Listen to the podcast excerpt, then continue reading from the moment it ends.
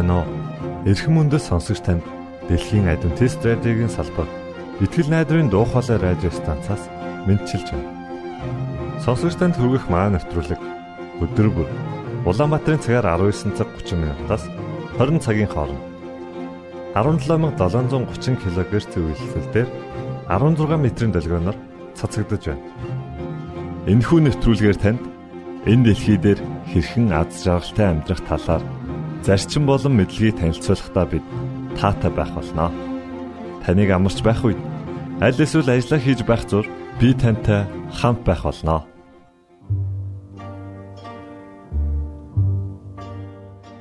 Өнөөдрийн нэвтрүүлгээр танд итгээд даг хэмэх сайхан дог хүргэж байна. Үүний дараа та өөрийгөө байлдан дагуулагч болгон хөгжүүлэх хэмэх цовруул нэвтрүүлгийг сонсох болно та бүхэн таалан сойрхно.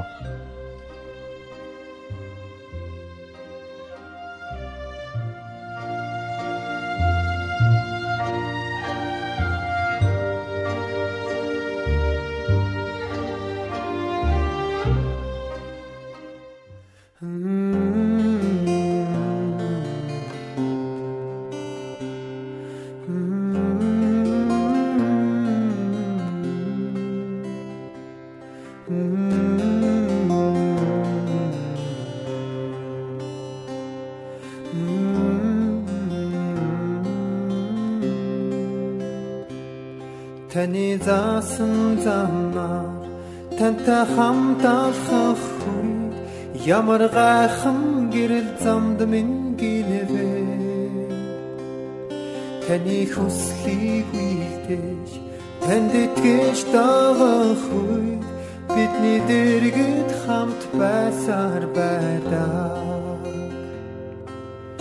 Есүстэй хаа баяр хориг мэдрээ Ор ямар ч зам энд байхгүй. Зөвхөн итгэж та. Гэхдээ тэглийн тэр зам сатотгор их байдаг. Халуун хайрыг тань яаж тэд мэдэх Гэрэлт найдвар дотороо аялаж байгаа хүн бүр таны бэлдсэн баяр баясгаланд орно. Есүстэй хамт баяр хориг мэдрээ Өөр ямар ч зам энд байхгүй зөвхөн итгэж даа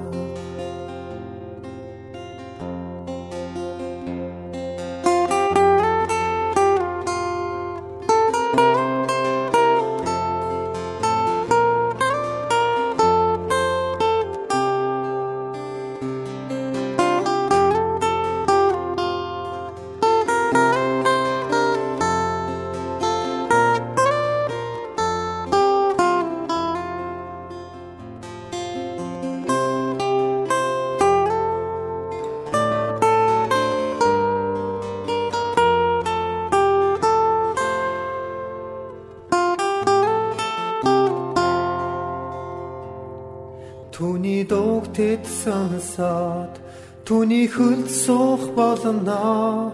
Тэгээд эргдэн алхаж ярилцах болно. Ямар ч айдасгүйгээр таны хүслийг биелүүлж зөвхөн танд итгэж таныг дагна. Есүстэй хаа баяр хориг мэдрээ ямар ч зам энд байхгүй. Есүстэй хаа баяр хориг мэдрээ Өөр ямар ч зам энд байхгүй. Зөвхөн итгэж та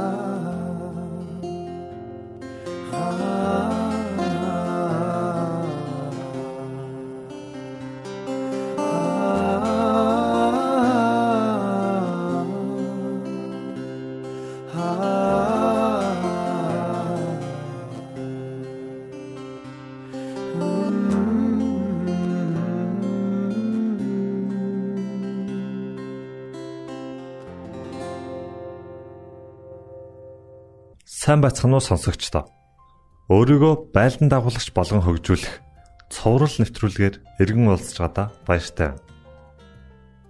Бид таван зарчмыг судалж буйлаа. Энэ удаагийн зарчим бол лантуун зарчим буюу дөрөвдүгээр зарчим.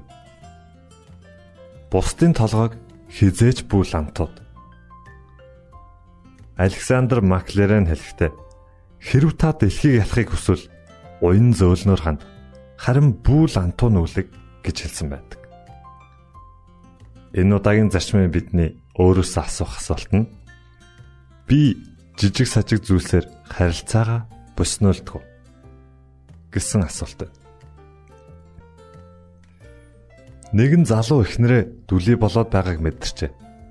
Тэгээ хэр зэрэг дүлэрээд байгааг нь мэдхийн тулд эмчээс зөвлөгөө авахар шийдлээ. Тэгтэл эмч түнд эхнэрийнхээ ар 5 м орчим зайнаас асуулт асуугаад үзээрэй. Хэрвээ сонсохгүй бол 4 м гэх мэтээр ойртоод асуугаад бай гэж зөвлөжээ. Ингээд майнер эхнэрээ оройн хоол хийж байхад нь 5 м-ийн зайнаас хараа ямар хоол хийж байгаа юм бэ гэж асууж. Гэвч эхнэр нь юу ч хариулсангүй. Тимээс тэрээр дахин 1 м ойртон асуусан боловч мөн л хариу сонссонгүй. Энэ мэт метр метрээр ойртсон боловч хариу сонсоогүй тул эцэст нь яг эхнэрийнхээ ард ирээд ямар хоол хийж байгааг нь асуулаа. Гэтэл эхнэр нь "Жим, дахианы мах идэнэ" гэж 5 удаа хэллээ шүү дээ гэжээ. Энэ түнд эхнэрийнхээ биш өөрийнхөө сонсголыг шалгах ёстойг сануулжээ.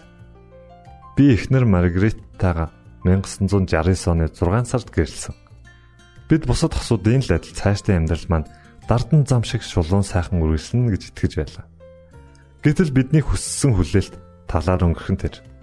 Мэдээж шүү дээ. Бид бие биенээсээ өөсөө олж харсаар хаяа нэг маргалдаж зөрчилдсөөр улмаар үүнээс гарах үр дагаврыг амсаж эхлэв. Ийхүү гэр бүлийн амьдралд хэрхэн зохицож амьдрах вэ гэдэг асуултын хариултад нэлээд цаг гарах шаардлагатай боллоо. Хүн бүхэн л миний зөв гэж өөрийгөө мөрдөг шиг Маргаret бас миний зөв байдлыг хүлээн зөвшөөрөх ёстой гэж би бодож байлаа. Би илүү сайн ярьдаг, ятгаж үнэмшүүлэх гарамгаа чадвараа ашиглан өөрсдийнхөө хооронд гарч буй зөрчлийг ядах юмгүй шийдсэн гэж үзэж байлаа. Мэдээж бид хизээж бие биерүүгээ орилж хашгирч байгаагүй л дээ. Хэдийгээр бид маш ухаалаг, уйл сууртай, нухастайгаар асуудлаа шийдэх харилцсан хамааралтай байсан ч ялалт ямагл миний тал байсаар Харин эхнэр маань өргөж оноогоо алцаал. Ийхүү бид гэрэлтийнхээ эхний 2 жилийн дотор маш олон зүйл хийсэн ч нэгэн ч амжилттай сайхан байгаагүй. Яагад гэвэл би эхнэрийнхээ зүрх сэтгэлийн галыг ааж маажмаар бөхөөж байгаагаа огт анзаарахгүй явж байлаа. Цаашлах тусам тунж гомдлох нь ихсээр хоёр биенийхээ дунд үйл ойлголтын хан босгон тоосго нэмсээр байгаагаа ч мэдсэнгүй. Эцсийн мөчөд гэр бүлд минь ямар их аюул нөөрлж гисэн байгаагч би анзаарах сөхөөгүй явсаар байв. Гэтэл нэг өдөр эхнэр минь хажууд ирж сууснаа. Урд нь болж өнгөрсөн маргаан зөрчилдөөс болж ямар хэцүү зүйл мэдэрч байгаа талаар учиргүй тайлбарлаж гарлаа. Ингиж би анх удаа зөрчилдөөнд ялал байгуулахаас илүүтэйгээр хамгийн хайртай хүнээ хамгийн ихээр шахалгуулж байснаа ухаарсан төдийгүй. Түүнтэйгээ харилцаагаа барьж байгуулах нь илүү чухал юм байна гэдгийг ойлгосон билээ. Тэр өдрөөс эхлэн би гэр бүлийнхээ харилцаанд өөрчлөлт хийхээр шийдсэн зөв хандлагатай байна гэдэг нь зөв хариулт өгөхөөс илүү чухал гэдгийг ухаарсан минь намайг илүү уян хатан болгож ёстой л долоо хэмжээс нэг охлох гэдэг зарчимд сургасаар байлаа. Ингээ бидний хооронд үл ойлгослын хан нурж харин хайрын гүр баригдаж эхэлсэн юм.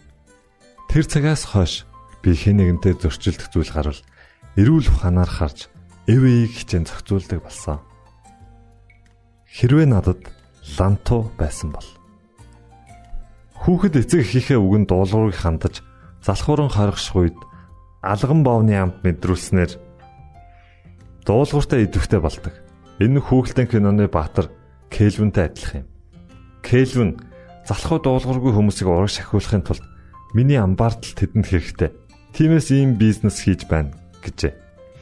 Үүнтэй адил тухайн хүний онцлог байдлаас шалтгаалж лантуудах хэрэгтэй ч уян зөөлөн хандах хэрэгтэй үнэнтэй нүүр тулахад хэцүү байвал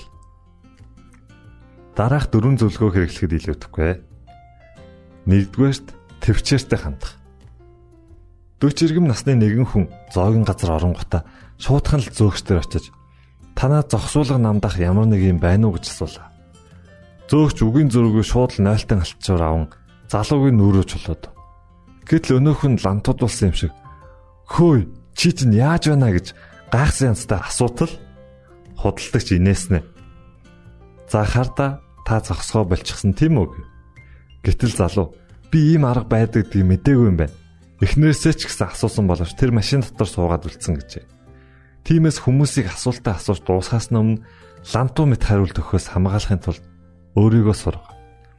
Хэн нэгэн өөрийг өөрийн санааг надтай хаваалцах үед би дараах зүйлийг баримталдаг. Сонсдог, асуулт асуудаг, бас дахин сонсдог. Дахин асуулт асууна. Бүр их сонсож тэгээд бас л асуудаг. Тэгээд хариулт өгдөг. Би хэдий ч нэ өөрийгөө нөгөө хүний оронд тавих тусам төдий ч нэ төвчээртэй илүү зөв зохистой болдог гэдгээ мэдсэн. Хоёрдугаар зөвлөгөө. Тохирсон хугацаа. Зохиолч Даан Заадрагийн бичсэн нэгэн тэмдэглэл. Чи хизээ хийх гэж байгаагаа биш, харин юу хийх гэж байгаагаа тооцоол гэсэн байна. Харин би үүнтэй санал нийлдэв. Хэрвээ генерал хүн зөв цагтаа л дайралтаа хийхгүй бол тулаанд ялагдал хүлээн. Хүн дээр өвчлсөн хүүхдээ эцэг их нь хурдхан шиг эмнэлэгт аваачихгүй бол хүүхэд үхэгч аюултай. Хэрвээ та хэн нэгнээс уушлах үедээ л Гуйхгүй бол харилцаа чинь бүр мөсөн дуусах болно. Зохиолч хатагтай Дороти Невил хэлэхдээ ярианы жинхэнэ ур чадвар нь зөв цагт зөв үг хэлхээс гадна хэлмээр байсан буруунд хэллгүүлтэхийг хэлдэг хэмээн маш чухал зүйл анхааруулсан байдаг. Тийм ээ. Зөв цагт хийсэн таны үйлдэл нь хамгийн чухал юм. Мэдсээр байж хийхгүй байна гэдэг нь томоос том асуултын тэмдэг лээ. 3 дугаар зөвлөмж дууны өнгө. Өрх толгоос нэг эмэгтэй 3 болон 5 настай хоёр хүүхэдтэй байжээ. Тэрээр хүүхдүүдийнхээ бүдүүлэг яриаг байнга засах гэж оролдог байв. Тэгэж чадах бүх зүйлээ тэдний төлөө хийж бүр сэтгэл зүйчдэр хүртэл аваадсан боловч ямар ч нэмэр болсонгүй. Ингээд эмэгтэй арга тасар дотроо инхүү боджээ. Ерөөсөө тэдний энэ муу зуршлыг засахгүй л бол би хинч биш болох нь хүүхдүүд манд үргэлжлүүлэн хараал хэлсээр байх болно. Тэгэхээр ах нарыг минь хараал хэлэх үед ээжийн хэрэглэж байсан аргыг л хэрэглэе дэ гэж шийджээ. Тэгээд маргааш өглөө болоход 5 настай хүүн сэрээд галтаараа галтоогоо руугаа ортол ээж нь хүү минь өглөөгөнийхөө цайнд юу идэх вэ гэж асуув. Хүү ээж рүүгээ хараад жаахан жимсний чанал гэснээ хараал хэлв. Тэгтэл ээж нь түүнийг алгадаж орхитол хүү үсрээд явчихав. Гэтэл 3 настай дүү өмнө хизээч ээжигээ ийм байгааг хараагүй тул бүр алмаарч орхив. Тэгээд ээж нь түүний нүд рүү хараад "За, чи өглөөнийхөө цайнд юу идэх вэ хэмээн нилээж хэрүүн дуугаар асуудал хүүгийн нүд нь дохон дээрээ гаргашгаж та тоглоогүй болтой гэд хараал хэлснэ. Би дахиж хараал хэлэхгүй гэж хариулжээ. Хэрвээ хэн нэгэн тань руу хашгичж уурлвал хариуд нь ээлдэг намуунаар хандаарай. Хэдийгээр тэр хатуу хүн байлаач зөөлөж тайван болох болно. Бидний үүгээр анаас илүүгээр хүмүүс бидний хандлага, үйл хөдлөлт хариу үйлдэл үзүүлдэг. Мөн их их жижиг сажиг маргаан бидний дуу хоолой өмнөөс шалтгаалan үүсдэг. Нэгэн мэрэгэн сургаалт намун зөөлөн өгс уур хилэн дамжаадаг бол хүйтэн хөндөй өгс уур хилэн асаадаг гэж хэлсэн байдаг. Та үүнийг туршиж үзэж болно шүү. Дөрөвдүгээр зөвлөмж хандлагын хэм хэмжүүр. Төргөн ортой хүн яг л бөмбөг тесрэгтэй адил байдаг бөгөөд зүү шийдвэл зөрүүлээд 50 шиднэ гэсэн хандлагатай байдаг. Энэхүү хандлага нь түнд нэлээд бэрхшээлүүдийг авчирдаг төдийгүй тулгарч буй асуудлуудын хэмжээнээс болоод гарах шийдвэр нь хүртэл дээш доош хэлбэлцэж байдаг. Үүнийг дараах байдлаар дүгнэж болно. Тухайн үйл хөдлөлөөс үүдсэн хариу үйлдэл нь сөрөг байвал асуудал хорцоддаг. Тухайн үйл хөдлөлөөс үүдсэн хариу үйлдэл нь эерэг байвал асуудал намждаг. Миний хувьд өөрийгөө тэнцвэртэй байлгахын тулд 30 секундэд бүх мэдрэмжээ хуваалц. Тэгээд гүйцээ гэсэн сануулгах журам баримталдаг. Хэрвээ би том асуудал үүсгэхээс өмнө жижиг асуудлаа шийдэхгүй бол бусд руу лантуудахаас өөр аргагүй зурдаг. Эхнэр бид хоёр ямар нэгэн асуудал толгох үед бие биедээ тусалдаг. Хүүхдүүд маань жаахан байх үед би тэдэнтэй зөрчилдөх зүйл цөөнгүй л гардаг байлаа. Тэр үед бидний баримтлагдаг байсан журам бол бид хоёр гар гараасаа барилцаж зэрэгцэн суугаад хүүхдүүдтэйгээ харилцан ярилцдаг байв. Хэрв бид хоёрын хэн нэг нь уурлал сэмэрхэн гараа атгалцсан бухимдлын хэм хэмжээ нэмэгдэж байгааг сануулж болиулдаг байв. Цаг хугацааны явцад энэ бидний хамгийн шилдэг арга болсон төдийгүй үр дүнгээ өгсөн юм. Гэхдээ энэ арга тухайн асуудал хамгийн сайн хэмжүүр болж чадсан ч өөр асуудал өөр аргыг хэрэглэх үе байсан. Лантуу шидхийн оронд өршөөлийн гараа сунг. Зарим хүнд үргэлж лантуу хэрэглэх нь сайн гэж бодож магадгүй. Тэгээ та бүхэл амьдралынхаа турш ямар нэг юмыг нүдэж амьдрах, амьдрах нь гэж хэлэх байх. Харин энэ хандлага нь нөгөө хүнээс нэлээд өндөр хэрэгжүүлж шаарддаг. Тэр ямар нэгэн зүйлд анхаарлаа хандуулахын тулд яг л хан өрөмдөж байгаа юм шиг төвлөрөх хэрэгтэй болдог. Эргээд энэ нь сайн хандлагыг төлөвшүүлж болно. Гэвч хүмүүсийг үргэлжл балбаж нүднэ гэдэг үнэхээр хэцүү бэрх арга юм. Сэтгэл зүйч Абрахам Маслов таны гарт зөвхөн лантуу байвал бүх асуудал хадаас шиг харагцаар байх болно гэжээ. Тиймээс бусдыг лантуудахаас илүү эрүүл харилцаа арга замыг олох хэрэгтэй. Хэрв та хүмүүсийн сэтгэл төрх хагаа хөгжүүлэхийг хүсвэл дараах зөвлөгөөг өөрийн зүрхэнд оруулаарай. Өнгөрсөн зүйлийг өнгөрсөнд нь үлдээж сурах. Хоёроор эхнэрүүдийнхээ талаар нэлээд гомдолжээ. Нэгдэх нь бид хоёр хэрэлдэхэд эхнэр маань уйлаг болсон түүх ярьдаг гэж л дээ. Гэтэл нөгөө найз нь үлгэр ярьдаг гэсэн үү гэж асуудал. Үгүй дээ бүр уйларч баларсан түүх гэж хэлээд тэр миний хийсэн буруу зүйлийг үргэлж надад сануулдаг гэж хариулж. Тиймээс асуудлыг тэр дорн шийдэн тухайн цаг үед нь үлдээ. Дахин дахин сөхөж өнгөрсөн цаг үеийн алдааг өнөөдөр сэргээх хэрэггүй. Хэрв та асуудлаас өгсөөр байвал хүмүүс рүү лантуу барин даарч бусдыг хадаас болгож байна гэсэн үг шүү. Миний хариу үйлдэл асуудлын нэг хэсэг. Бусдад өгөх хариу үйлдэлээ Энэ надад яаж хандна? Би түүнд яг тэгж хандна гэж муугар бүү илэрхийл. Учир нь надад хандах ханд надад хандах бусдын хариу үйлдэл ямар ч байж болох тул тухайн хүнийг буруутган харлгүй харин ямар учиршилтгаан энэ хүнийг ийм хандлагатай болж байгааг олчаар үүнийг бид өвтөлтийн зарчим дээр үтсэн. Удаан хугацааны турш дурддагцаар байдаг үйл явдлуудыг сан. Та дунд сургууль төгссөн гэрчлэгийг эсвэл коллеж төгссөн дипломоо байн байн гарган ирж дээр нь бичсэн бүхнийг дахин татан дооддог. Хэрв та гэрэлсэн бол хормын тангарага цээжээр дахин дахин уншдаг. Магадгүй энэ хоёр асуултанд та хоёуланд нь үгүй гэсэн хариулт өгнө. Гэвч таны хувьд хорим хийж байсан үе болон сургууль төгсөж байсан цаг мөчөө дурсдаг гэдэгт би эргэлзэхгүй байна. Тиймээс та бусдад хэлэх үгнээсээ илүүтэйгээр хүмүүстэй хамт байж удаан хугацааны туршиж санагцаар байх дурсамжийг үлдээ. Үүний тулд чин сэтгэлээсээ үйлдэж амьдр.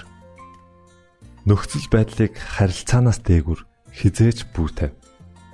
Өөрийнхөө нөхцөл байдлын алдаа дутагдлыг бусдад тохох гэсэн хүмүүсээр дүүрэн ертөнцид бид амьдарч байна. Хэрв би их нартайгаа харилцаагаа барьж байхулахаас уртад өөрийнхөө үзэл бодлыг илүү өндөр тавьсаар байсан бол түүнтэй хизээж гэрлэхгүй байсан гэдэгтээ огтхон ч марахгүй. Харилцаа гэдэг бол бүх зүйлийн суурь гэж би боддог.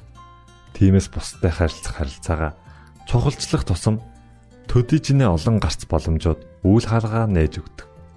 Тиймээс нөхцөл байдлыг харахаас илүү харилцаагаа барьж байгуулах нь нэн чухал.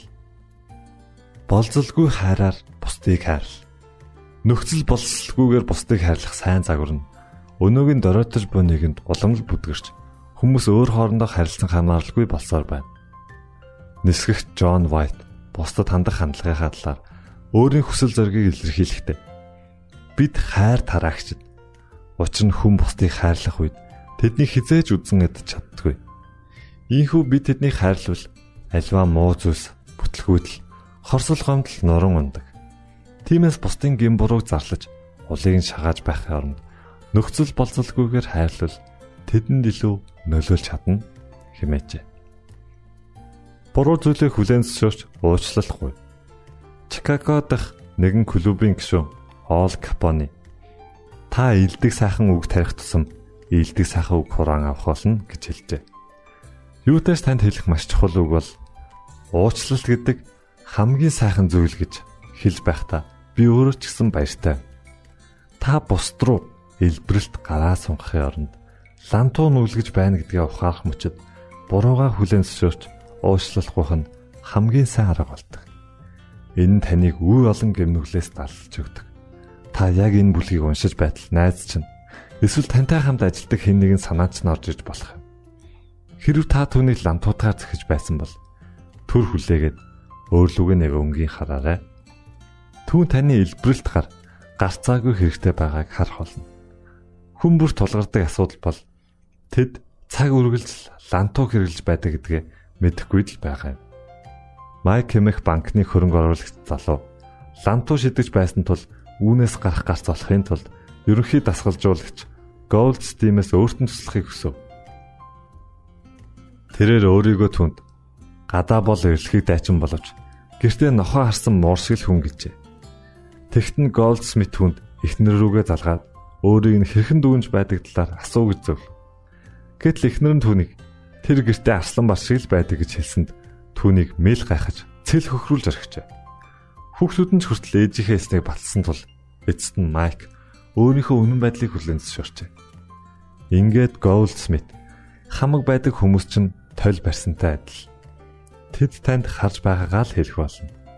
Та тэдэнд итгэхгүй байлаач. Үнэндээ танд хайртай учраас үннийг хэлдэг. Хэрв та үнийг үргэлжлүүлсээр байвал таны эргэн тойрны хүмүүс хадастай адил болох болно гэж зөвлөжээ.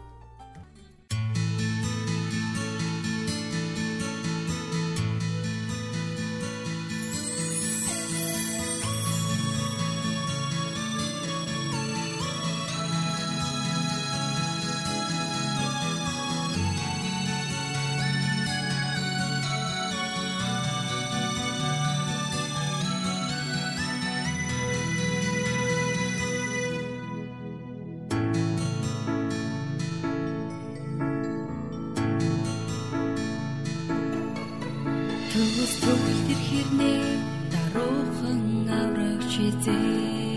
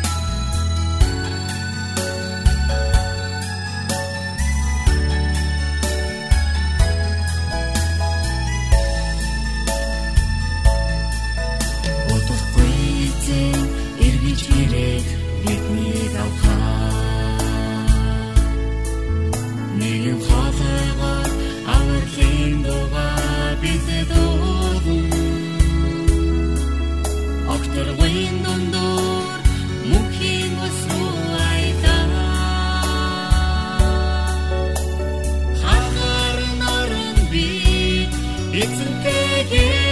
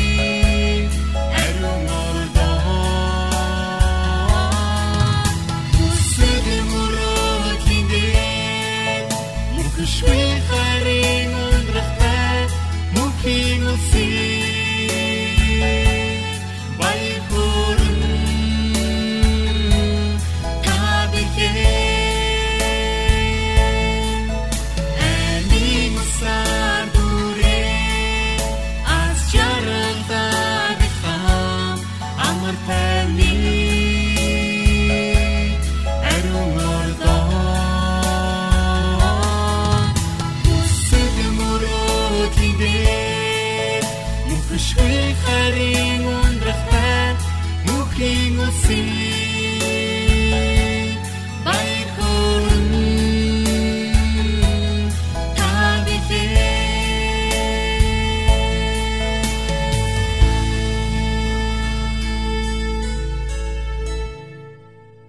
найдрын дуу хоолой радио станцаас бэлтгэн хөрөгдөг нэвтрүүлгээ танд хүргэлээ.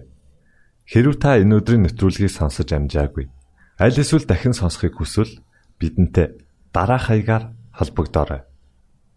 Facebook хаяг: Satiin усгээр Монгол заавад AWR Имейл хаяг: mongol@gmail.com Манай утасны дугаар 976 7018 24 9 Шуудангийн хаяг 16 Улаанбаатар 13 Монгол улс Биднийг сонгон цаг зав аваад зориулсан танд баярлалаа. Бурхан таныг ивээх батугай